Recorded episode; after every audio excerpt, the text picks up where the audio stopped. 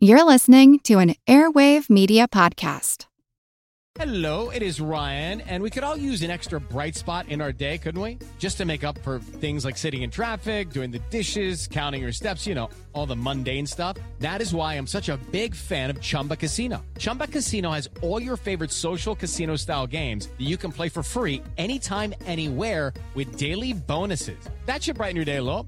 Actually, a lot. So sign up now at chumbacasino.com. That's chumbacasino.com. No purchase necessary. VGW Group. Void were prohibited by law. See terms and conditions. 18 plus. As a longtime foreign correspondent, I've worked in lots of places, but nowhere as important to the world as China. I'm Jane Perlez, former Beijing bureau chief for the New York Times.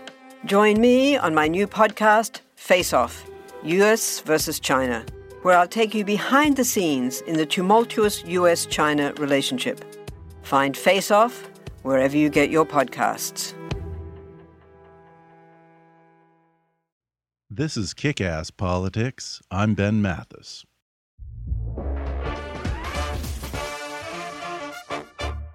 Kick Ass Politics is sponsored by Fiverr. You've heard me rave about Fiverr before. That's Fiverr with two R's. Fiverr is the world's largest online marketplace for services with over 100 categories all offered at a fixed base price of just 5 bucks. Logo design, business consulting, marketing, business cards and stationery, web design, translation, proofreading, legal consulting, and just about any other service you can imagine, all offered at a fixed base price of just 5 bucks. And right now, if you go to kickasspolitics.com and click on the Fiverr ad on our sponsor page, you'll be showing your support for the show and you'll get some great offers on services tailored to your needs. Whatever you need done, find it on Fiverr. And before we start the show, I want to ask for you, the listeners' help with a special project.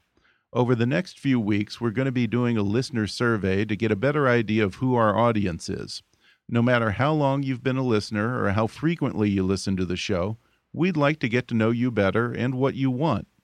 So I hope you'll visit our website at kickasspolitics.com and click on the listener survey link on the homepage, or there's a survey link in the show notes to this episode. It'll only take 60 seconds. We won't ask for your personal information or put you on some list. I'm not going to call you up at supper time or fill your email with spam, I promise. In fact, you can even fill out the survey anonymously if you want. It's just a few quick questions to help us understand who's listening, and seriously, it'll be a huge, huge help to me personally. Thanks in advance, folks, and now enjoy the podcast.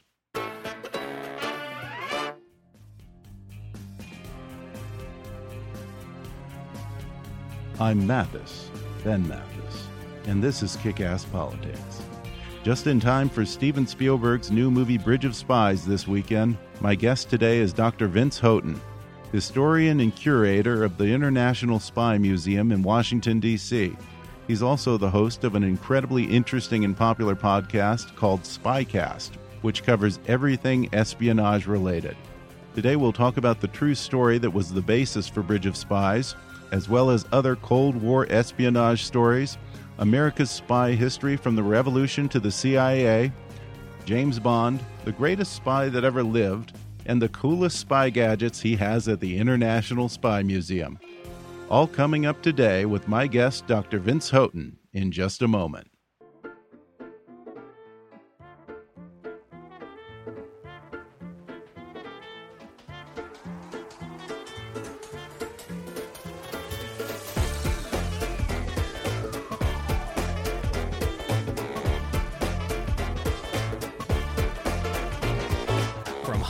To Washington, it's time for Kick Ass Politics.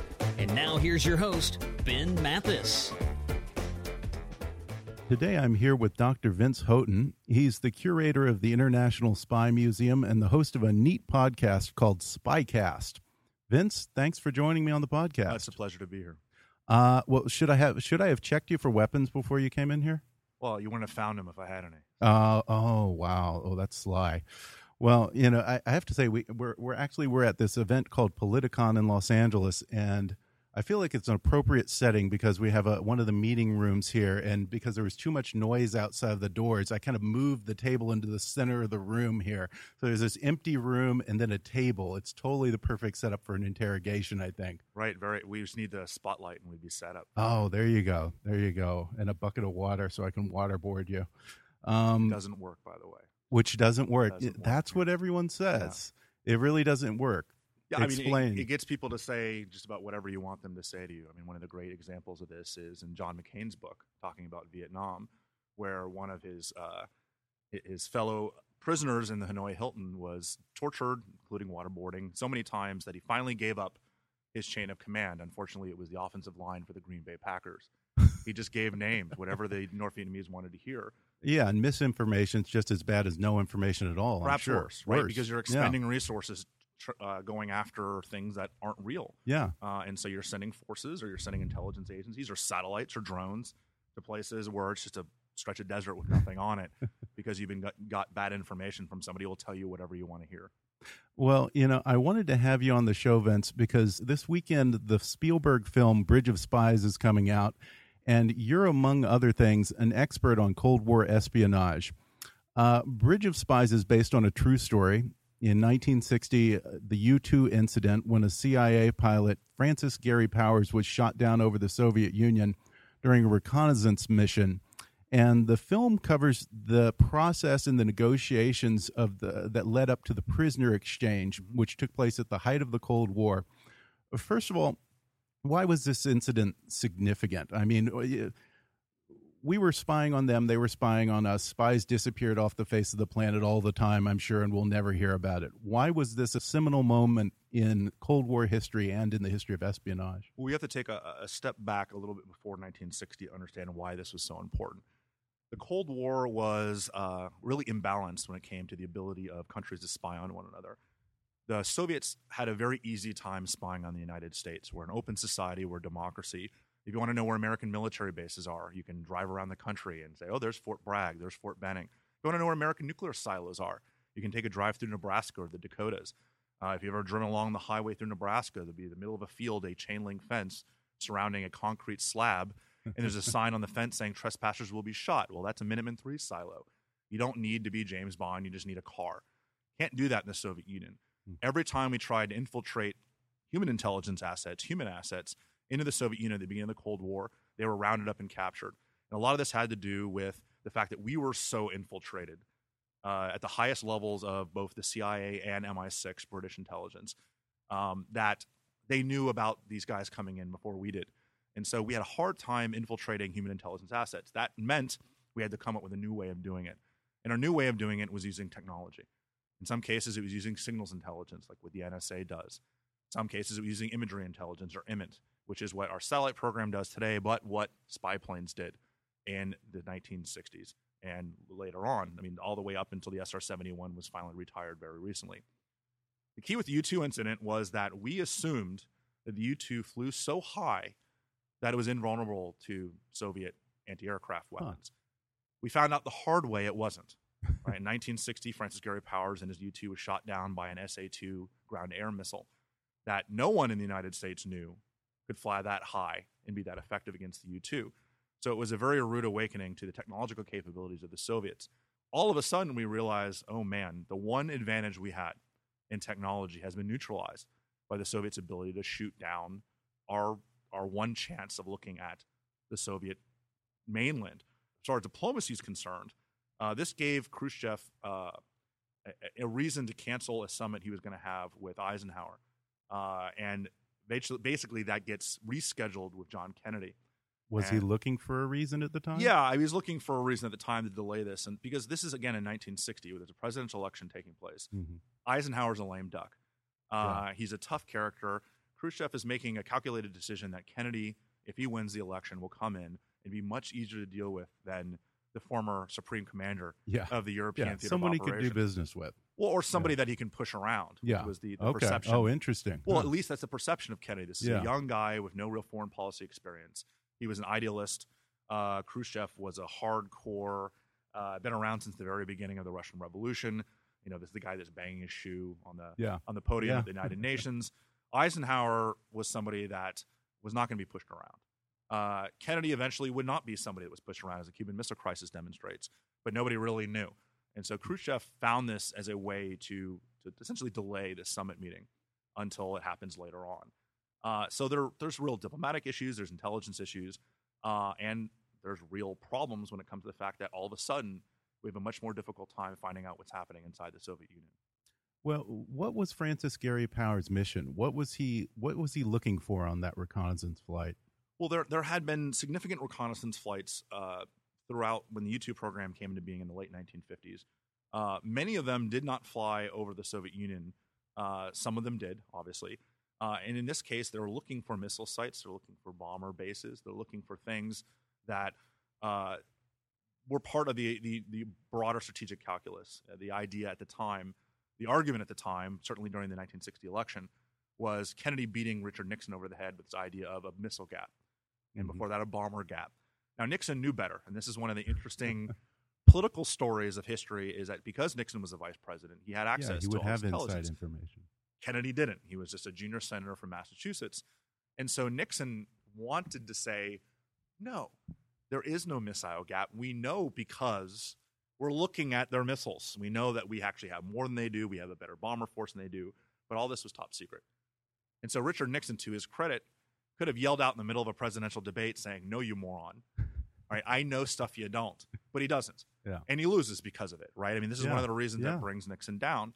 Um, and, and so he's in a position where he can't come out and say, no, we know better. Uh, and so the real purpose of this was to, to make up for this imbalance the idea that the Soviets were very good. They didn't really have to be all that good, but they were good at it, sending spies into the United States and recruiting Americans to give information that uh, was readily, avail- readily available for anybody who had a newspaper subscription and who could drive across the country. Yeah, and when when when the plane was shot down, wasn't the the cover supposed to be that it was a weather plane? Sure, yeah. what was well- a weather plane, a U.S. weather plane, doing over the Soviet Union? well, yeah, we, we tried to do what we could to, to support any story, but it was a spy plane. The U 2 was still classified at this point. Uh, the problem, of course, is that the U 2 goes down and essentially whole. Right? The, the, the wreckage of the U 2, it's not little pieces, it's big Yeah. chunks of plane and fuselage that you can still see in Moscow today. I've been to the museum in Oh, Moscow really? where you can walk up and essentially touch the wreckage of Francis Gary Powers' U 2 plane because they don't take museum security quite as seriously as we do. did, did the Soviets even know that we had? Oh, U-2? absolutely. They knew that we had that kind of technology. The. Soviets had been tracking the U 2s since the very beginning of the program. Okay. They just couldn't do anything about it. Now, when the SA 2 was developed, all of a sudden they could shoot down uh, the American spy planes. And it wasn't easy. They shot dozens of missiles after Francis Gary Powers. The first one hit. The second one actually shot down a, a Soviet fighter that was trying to intercept the U 2. Uh, couldn't get high enough. Yeah. So they basically were firing indiscriminately in the air and they got a lucky shot off. was this really the first time that something like this had happened? That one of our guys had gotten caught, and it was pretty much public, and the American public knew what was go- knew all about it. Really difficult to it was cover a this. PR up. thing. Um, Powers was supposed to uh, start the self destruct mechanism on the U 2, but he couldn't Right. before he punched out. He got to the point where he had to bail out before he could self destruct the U 2. He also had a completely optional suicide pin that he carried with him. Um, so a lot of people kind of mess the history up and say Powers was supposed to, he was ordered to kill himself. No, it was optional. Uh, if he was shot down over an area that wouldn't treat him well, maybe North Yeah. Korea, Oh, other I see. places. Okay. perhaps it would be better for Might him be to a kill better himself. option. Yeah. Uh, He did not kill himself. He was captured. The plane was captured almost completely, and uh, the United States had no choice but to come out and say, "Yeah, you know, we kind of screwed this one up." Powers was uh, interrogated harshly. He was tortured. Oh, he was. Uh, he never broke. Uh, he gave them really basic information, but nothing beyond that. Nothing really top secret. They they came back when Powers was finally traded back for, which we'll talk about. Uh, there was a huge inquiry into, you know, should he be court-martialed? Did he actually give up the you know the family jewels when it comes to the CIA? And many high-level people, including several generals, several several members of the CIA at the highest level, determined that he gave them nothing of real value that they didn't know already. wow. Uh, and so Powers was awarded several of the highest medals that you can get, including the two highest intelligence medals, the Intelligence Star and the, the Director's Medal. Uh, basically, that's the Medal of Honor and the Distinguished Service Cross for intelligence Yeah. because of the fact that he withstood interrogation, he withstood torture, and didn't give away any real important information. Do you think he would have been executed if we hadn't arranged this exchange? No. So one of the interesting things about uh, misperceptions about intelligence, in particular through pop culture, is that uh, there's all this killing spies back and forth on both sides. That doesn't tend to happen. Uh, it was a gentleman's game from the very beginning. The idea is that if you kill our guys, we're going to kill a bunch of your guys, and vice versa. Because Okay. everyone understood how important espionage was, it was you know it's been key to foreign policy for thousands of years. Huh. It was was a- kind of a little Geneva Convention of Right. espionage It- between it's, us it's, and the it's other the side. reason Abel Hmm. wasn't executed. It's the reason that we you don't kill spies that you catch. There's a reason that the the Russian ten weren't executed when we caught them back in 2010. It's the reason that our guys, when they get rounded up overseas, aren't executed. And actually, there are two levels of of spies. There's the ones with official cover that actually are attached to uh, an embassy right. pretending that you're a State Department official, you're the assistant deputy agricultural attache Yeah. or something. And if you are caught spying overseas, if a Russian catches an American who has official cover, you can't even put them in prison. They have diplomatic immunity. The most you can do is kick them out of the country. You ping them. I want to be one of those kind of spies. Right. Yeah, you, you, you name them PNG, persona non grata, and then you put them on the next plane out. Now, Okay. if they're a NOC, which Mhm. means they're non-official cover. NOC, they're pretending they're a student or they're a journalist, although we frown upon that. those are uh, the spies we see in the movies usually. Right. Those are the people who are deep undercover, the illegals, as the Soviets called them. They can be given pretty harsh treatment. They can be tortured, interrogated. They can be put in prison, uh, sentenced to many, many years in prison. But in many cases, those are the ones that get traded back. Hmm. Uh, those are the ones that eventually uh, will get, uh, when we capture some of their guys, we'll, we'll come up with a deal like that's shown in this movie, movie Bridge of Spies, and we'll trade ours for theirs. Well, yeah, let's talk about that trade. The government brought in a Brooklyn lawyer named James Donovan to negotiate the exchange. Uh, presumably, there might have been sensitive information discussed in these negotiations. Why did the CIA or the U.S. government go outside the government to find someone to lead these negotiations? Well, they didn't. Okay. Um, okay. So I, I chuckled when I saw the casting for this movie because Tom Hanks is the everyman. He always plays the Mhm. guy who is like all of us and gets thrust into these extraordinary circumstances. James Donovan was not the everyman. Donovan, during World War II, was counsel for the Office of Scientific Research and Development, the OSRD, which was basically DARPA. It was Okay. ahead of all the, the American science and technological research that, that was they were in charge of the atomic bomb program. They were in charge of all the top secret military science and research. Then he was the general counsel for the OSS, the Office of Strategic Services, which is the okay. predecessor. So he was an insider. He was an insider. okay. Uh, he was somebody who knew intelligence. He was somebody that was he was a lawyer during the Nuremberg trials. Right. This Oh, is a wow. guy who was all over government. Now he'd gone to private practice. He was somebody that had left government behind, but he wasn't just some schlub that Yeah. he pulled off the street. This is somebody that everybody knew. Uh, he knew Allen Dulles. He knew some of the top people at the agency. Okay. And even later after this, he was the one that negotiated the release of the Bay of Pigs prisoners, those that survived the attack Oh, in 1962. Huh. Um, so he was somebody that was an obvious choice. He wasn't the first choice because he wasn't involved Yeah. in, uh, he was private practice at the time, but he was somebody that knew the players. And they could uh, trust him, I assume. Well, well, they could trust him. They knew his, his security clearance was something that was not questionable. And he knew Rudolf Abel, of course, because he had Hmm. defended Abel, uh, who was the Soviet spy who was traded Yeah. for, for Francis Gary Powers. Interesting. How do you negotiate a, a, a spy a prisoner exchange? You know, when you're dealing in the clandestine services, how do you even start that conversation? It's all back channel. It's all Ah. people that you know Ah. from the past. It's all uh, Rudolf Abel's wife was a part of this as well. It was um, sorry, excuse me. It was friends of friends and contacts of contacts. Uh, you don't want this to be done through official channels. You want to find ways to have conversations because once you do through official channels, bureaucratic red tape and diplomacy get in the way. Very much in the way that we negotiated the Cuban Missile Crisis yeah. where yeah, we promised to give up our Jupiter missiles in Turkey. They were obsolete anyway, but we couldn't come out publicly and say it. Yeah. So we had this wink back and a channel. nod. Yeah, a wink and a nod. Mhm. And in many cases, this is how diplomacy gets done. This is how diplomacy still gets done today, Yeah. right? I mean, the Iran deal, whether you agree with it or don't, a lot of it was done preparation from years ago with, with back channel conversations. A lot of the intelligence cooperation that's taking place in the fight against ISIS today is back channel wink nod between Right. forces that can't publicly work together. Yeah. The Israelis and Hezbollah, Yeah. right? Iran and the United States. Yeah, we're having conversations about this because ISIS is kind of the bad guy that brings everybody together. In this case, there was a bad guy nuclear war. Yeah. Right? Both sides wanted to avoid nuclear war at all costs. And so when you can do something about that, in this case, both the United States and the Soviets realized that this was a way to lessen tensions. This is a way to establish this back channel relationship. And it was the solution in this case. Well, what was the deal that they struck? And talk more about who he was exchanged for on the Soviet side. Yeah, so Rudolf Abel was a, uh, a- a Soviet operations officer. Now, I'm going to use certain terms. We actually don't use the word spy Okay. to talk about people like uh, Rudolf Abel, people that who work for the CIA. The spy is the person that you recruit in the country to give you information. So, an agent for the CIA will go over. They're operations officers. They are recruiting spies. Okay. So if I go over, if I work for the CIA and I go to Moscow and I recruit somebody within the Soviet Foreign Ministry, they're the spy. I'm the operations officer. So Abel was a case officer. He was an operations officer for the Soviet Union. He wasn't a very good one. Uh, he had been brought over uh, at the end of the 1940s, early 1950s, to reestablish the uh, essentially the, the the spies that were spying on the Manhattan Project.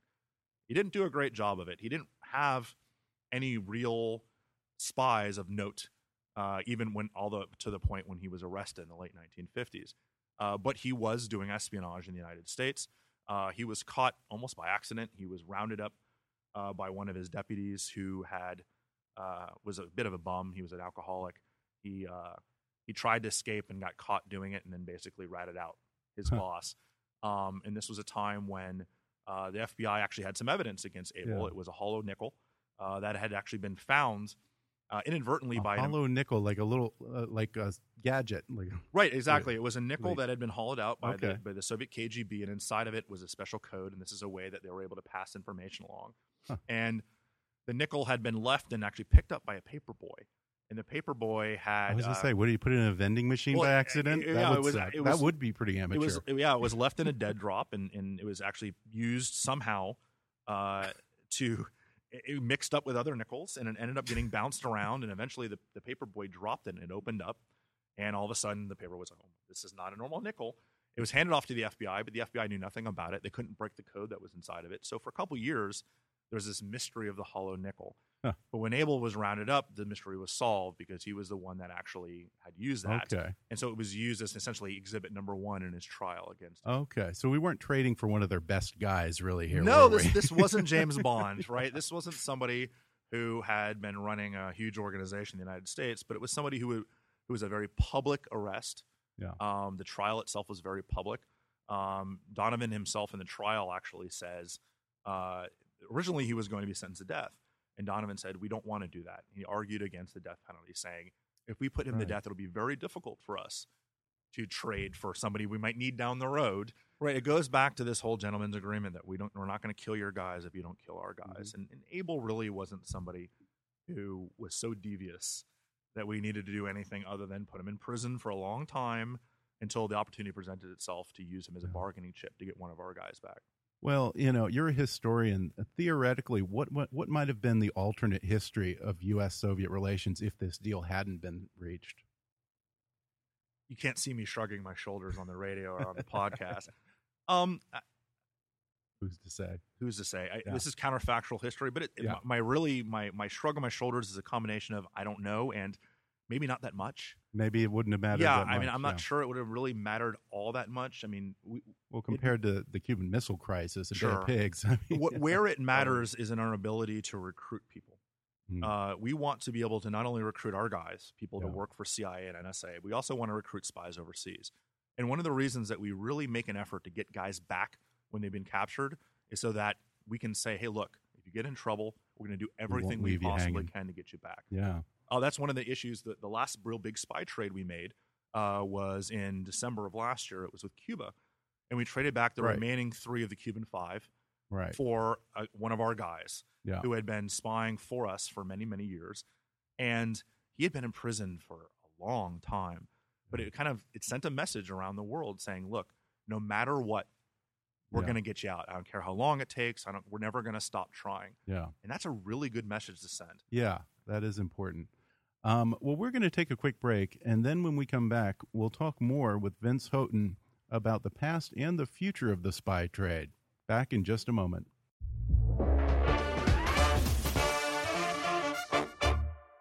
This portion of the podcast is brought to you by Audible. Audible has over 180,000 audiobooks available to download for your iPhone, Android, Kindle, or MP3 player.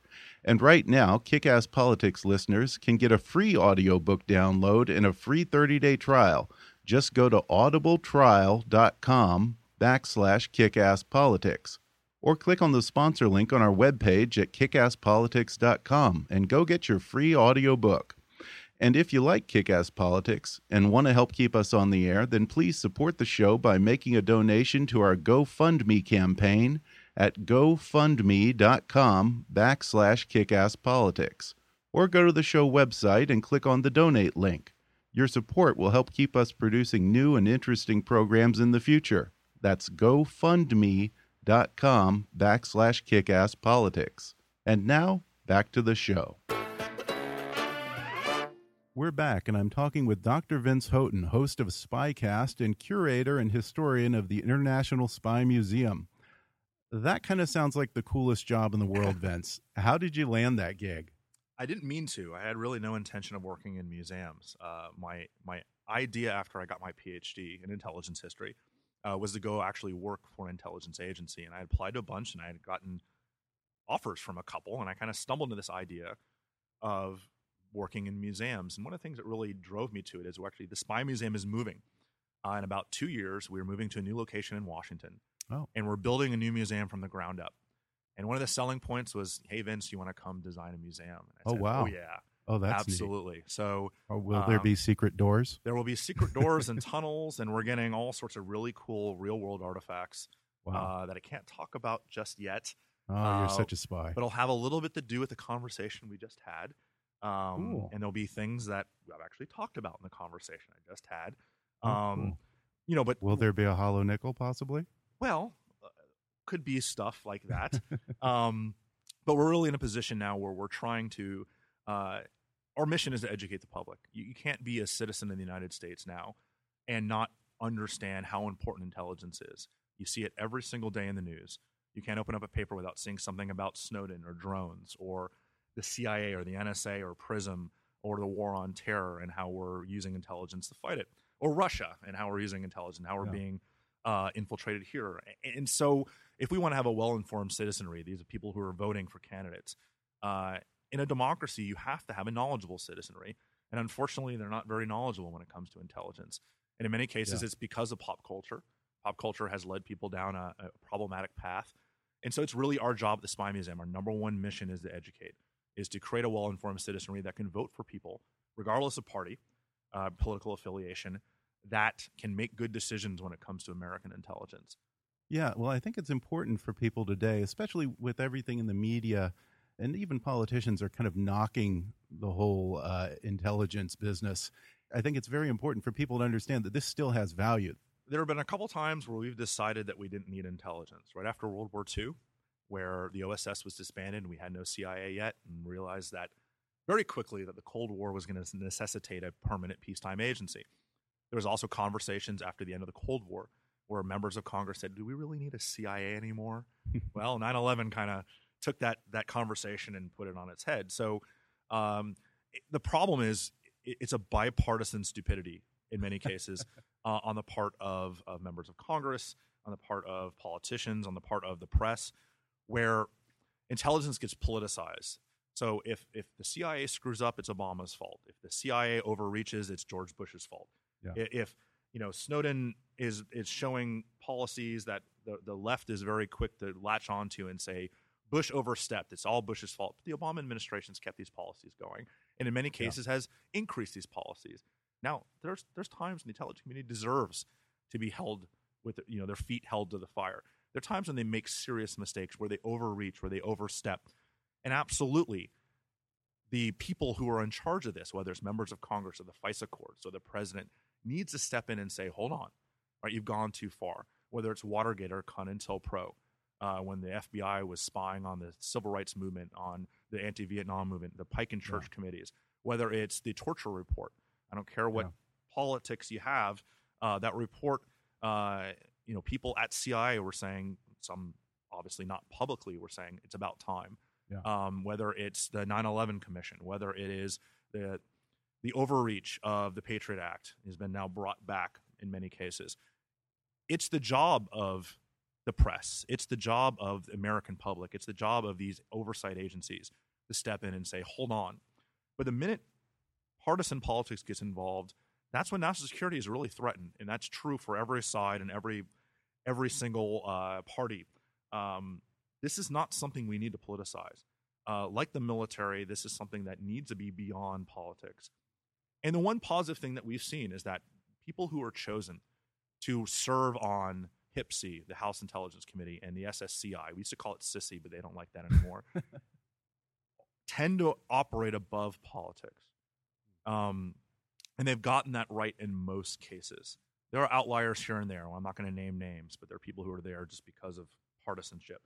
But in many cases, you do see these committees working together, Republicans and Democrats, to make sure the good of the country is is is taken into in the number one consideration.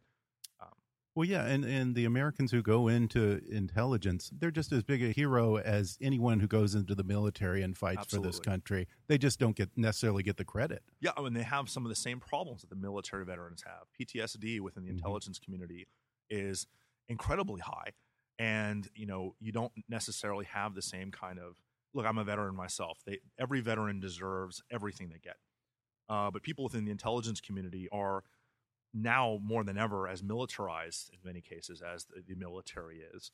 Yeah. Um, the, the the attack on uh, Tora Bora, where we almost got Bin Laden right after 9/11, there were six guys who almost made it to the top of the mountain. Three were military special operations. Three were CIA.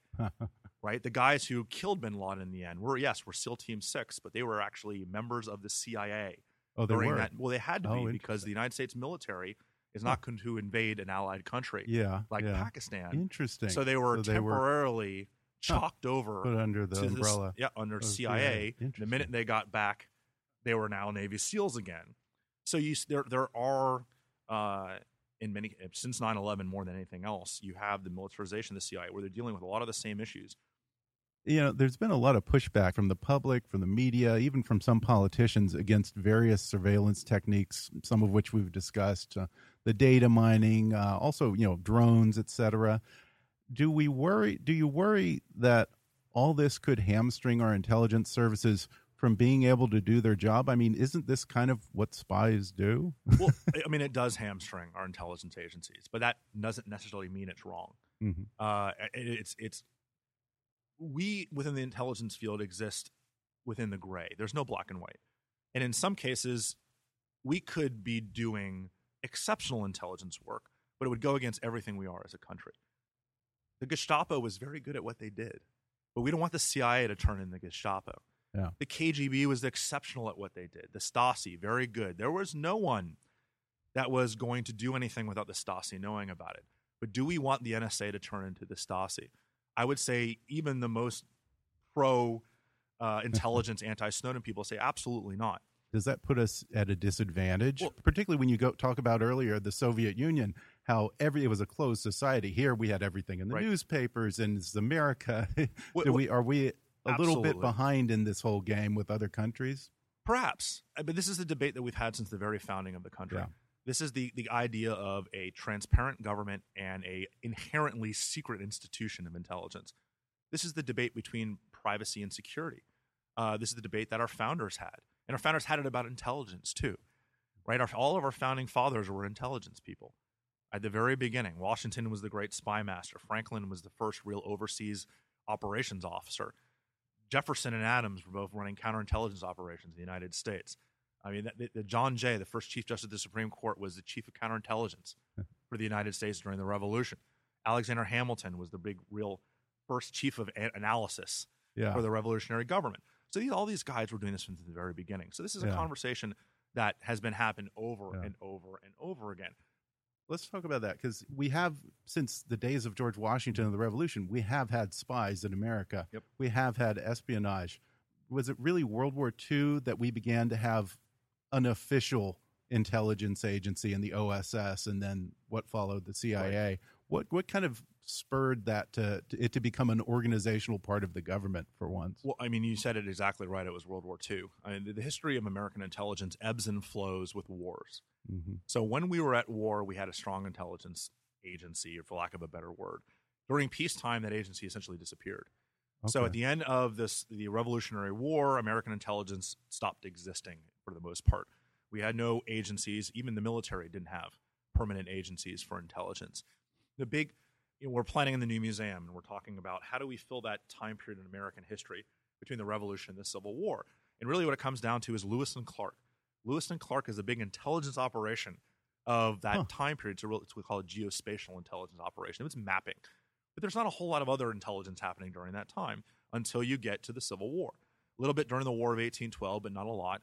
In the Civil War, you see it go right back up again, right? The Bureau of Military Intelligence, uh, reconnaissance balloons, a lot of new innovations. But we never back up. had a permanent peacetime intelligence service. Yeah, and even in, within the military, it's until the 1880s that both the Office of Naval Intelligence and Army Intelligence are formed. Right, so 100 Huh. years after the formation of the country. Now, during World War II, the realization after Pearl Harbor, and Pearl Harbor is the impetus for all of this, because we were caught with our pants down at Pearl Harbor, we realized that we needed something permanent. We needed something peacetime. We needed something that would be uh, able to stop the next Pearl Harbor from happening, especially because the next Pearl Harbor would probably be a nuclear Pearl Harbor. And with that in mind, the CIA is created in 1947. Uh, we went about nine months without any intelligence agency. The OSS was disbanded at the end of the war, and then the Central Intelligence Group came about in 1946, which turns into the CIA in 1947. But that was a time when we finally said, "All right, we can't mess around anymore. We have a existential threat from the Soviet Union.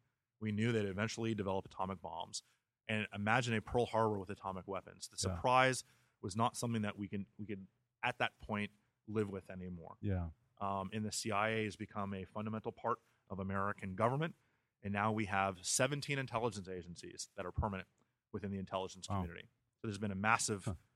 Expansion in We capabilities. decided we like this. So. We excited. Well, we This is a decided on several aspects. This is good for providing national security. This Yeah. is good for business. Yeah. Uh, there's a lot of money involved in this, and it was uh, it was necessary. Yeah. Yeah. Now, can, can you establish for me once and for all, is it the CIA or is it CIA? It's CIA, and right. why why is it CIA?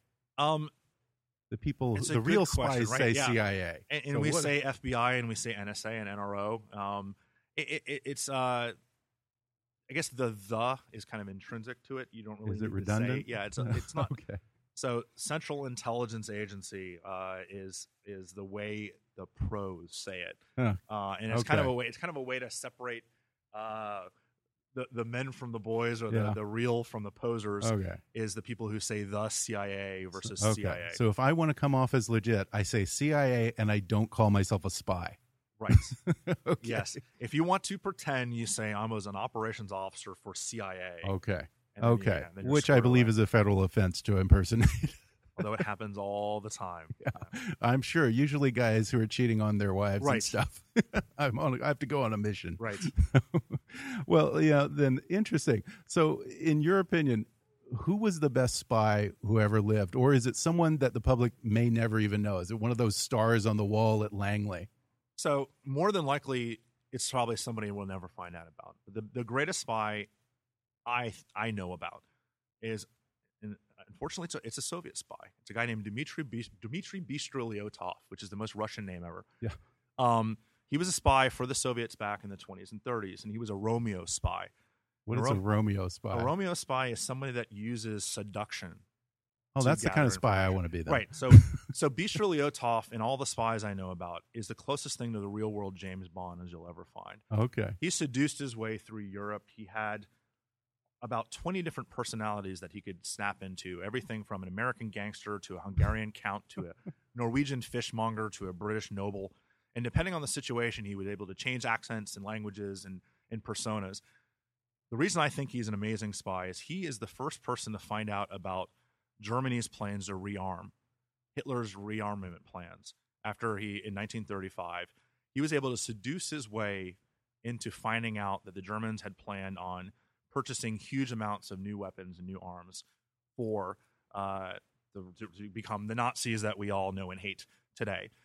After that, he got caught up in Stalin's purges, even though he was a master spy and he wasn't somebody who was a Trotskyite or anything like that, because he had been He couldn't seduce himself out of that. well, well, there's a great story there. He came in on the ground floor, and because a lot of the people that came in in the 20s were caught up in the purges, he wasn't sentenced to death. He was sent to the gulags, or the idea that he would die in the gulags. Well, 15 years later, he was still alive. He had outlived Stalin. He'd survived the gulags, and in doing so, had used seduction actually in the gulags. He wrote. He wrote a memoir that we have at the Spy Museum. If you want to come look at it, the most Washington romantic atmosphere Well, for.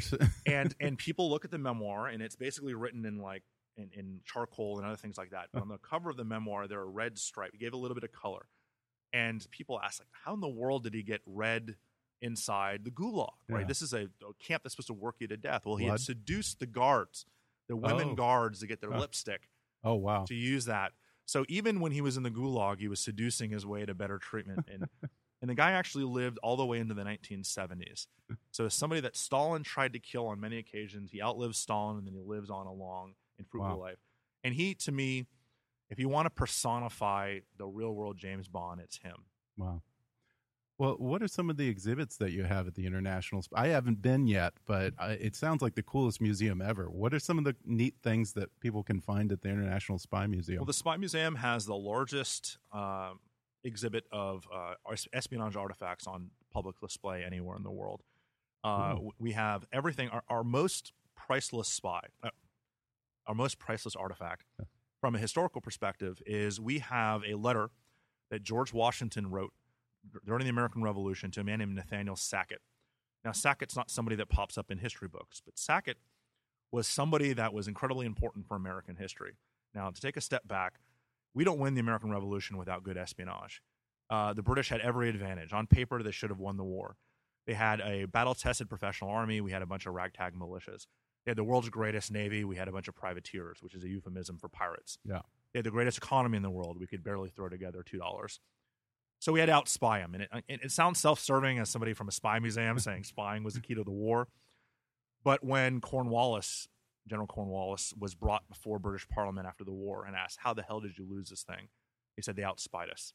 so I've got I've got a good reason to say that. Now, we didn't outspy them at the beginning. We weren't very good. And in fact, the first couple spy operations were disasters. Uh, when Washington loses New York City, which actually happens very early in the Right. war, actually only three months after the Declaration of Independence, it looks like the war is going to be lost. The British take New York. They're marching to Philadelphia. The Continental Congress has even pulled out of Philadelphia because they fear that they're all going to get captured. Washington writes a letter at the end of 1776 to his cousin saying, I fear we lost this thing. We didn't have any intelligence assets that were, that were worth a damn at the time. We needed to know that it was happening inside New York. And so Washington asked for volunteers. And no one really wanted to volunteer for it. It was essentially a suicide mission. But there was a young, brave, patriotic man who had just graduated from Yale by the name of Nathan Hale. And Oh, Hale's yeah. name some people may have heard of. And Hale Oh. said, I'll do it. I'll go and I'll volunteer to go into New York City and find out what's going on. The problem was Hale was a terrible spy. Uh, Hale was a bad spy for two reasons. One Well, is he did get caught. well, he got caught, and the reason he got caught is what makes him a terrible spy. In that you want to be effective in espionage, you want to be nondescript, you want to be able to blend in. Well, Hale couldn't blend in. He had a huge scar on his face that he got from when a gun ex- backfired on him oh, and Oh, wow. exploded. So he's very recognizable. And Hale was a Quaker, and Quakers have one redeeming value in normal world, but is a horrible value to have as a spy, and that Quakers don't lie. and so Hale infiltrated New York. He did a good job of that, and he did a smart thing. He went to a pub on the dock to try to talk to people, because that's where people speak freely, and was recognized. And tried to hold out a little bit by not saying anything, but eventually said, "Yeah, I'm Nathan Hale." What, do you, Uh, what do you do as a, yeah, if you're a, if you're a Quaker spy? What do you just keep trying to change the subject? it- it was it wasn't something that was going to work out very well. So he's arrested and very quickly he's hanged. And he very famously doesn't say, although pop culture says he did, I, my only regret is I have one Yeah. life to give for my country. Doesn't say that in real life. Uh, that only appears about 30 years later in print.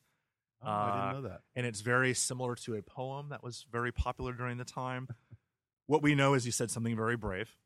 It wasn't that, but he also said something very brave, and then he was hanged. Now Washington realized at that point that he couldn't keep sending one guy after the next after the next into New York City, Yeah. amateurs to get rounded up. He needed to do something to professionalize American intelligence.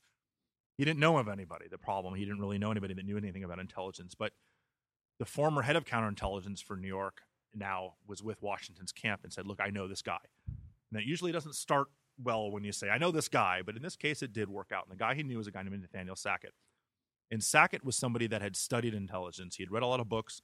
He had studied the way the Europeans did intelligence. He understood things like dead drops and secret writing and how to do codes and how to run spy agencies, for lack of a better word.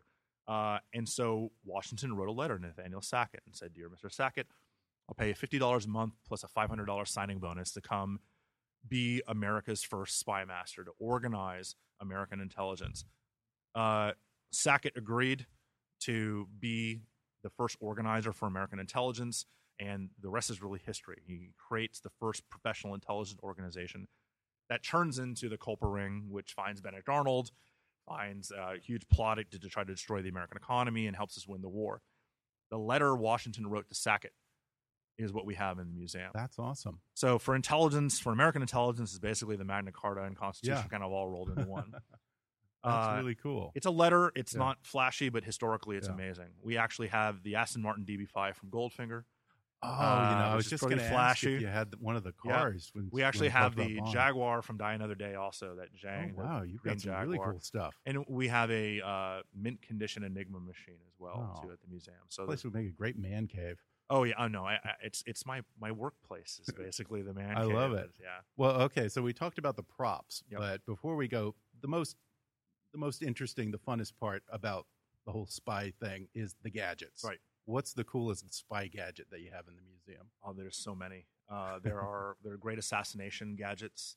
Um, we have fountain pens developed by the CIA that actually have needles instead of pen points that can be filled with poison. Um, Wow. There is the uh, I think they have insulin injectors like that now. don't yeah. Well, this is this is one that's developed by the CIA.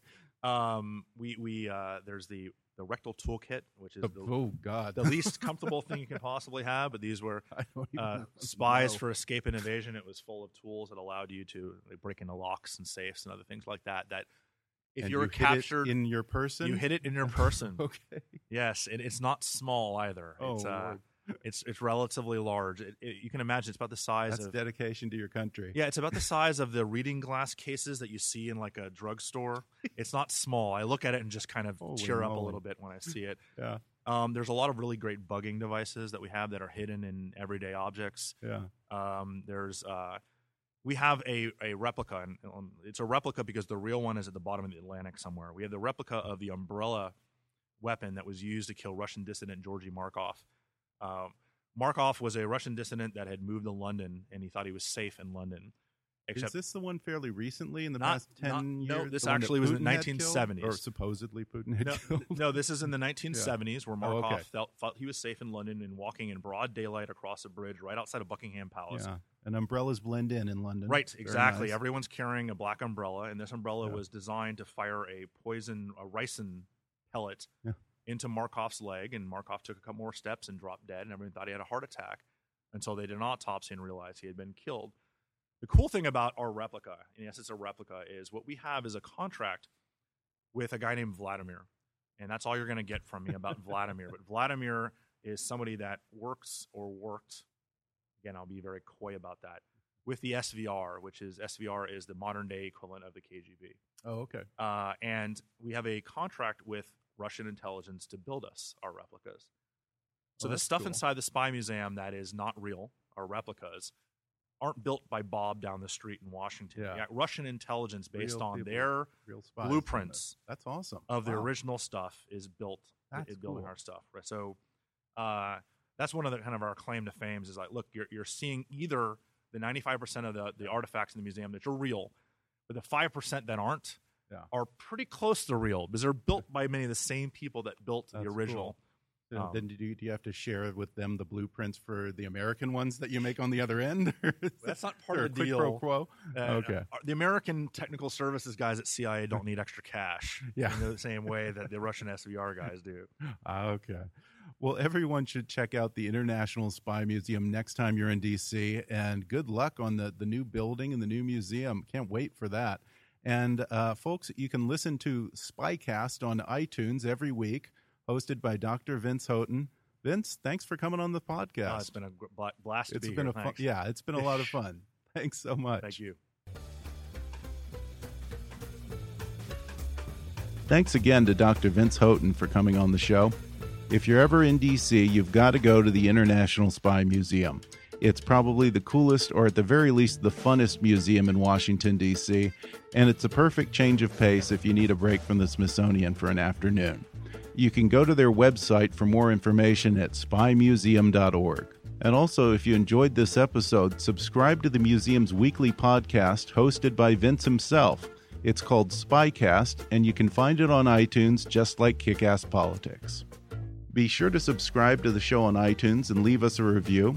And don't forget to go on our website or click on the survey link in the show notes to take that listener questionnaire for me. I really want to get a feel for who our audience is, and if you just take a minute to fill that out, that'll be a huge help to me. If you like what I'm doing here, then I hope you'll support Kickass Politics by making a donation on the website or go to gofundme.com backslash kickasspolitics. Because starting last week, we're now ramping up to two podcasts a week, but that also means it's costing twice as much, most of which comes out of my pocket, to be honest, and I'm happy to do the show because I enjoy this. But if you want to pitch in, that's always greatly appreciated and really shows me that you value the effort that I put into this every week. So if you want to help out, you can donate on the website or go to gofundme.com backslash kickasspolitics. And as always, I welcome your comments, questions, gripes, and suggestions at comments at kickasspolitics.com. In the next episode, my guest will be Mike Pesca, host of the extremely popular podcast The Gist from the folks at Slate Magazine. This guy's hilarious and opinionated as hell, and we'll cover everything from the House Speaker's election to his ongoing war with Starbucks, all over a reduced fat turkey bacon breakfast sandwich. Coming up in the next podcast. But for now, I'm Ben Mathis, and thanks for listening to Kick Ass Politics.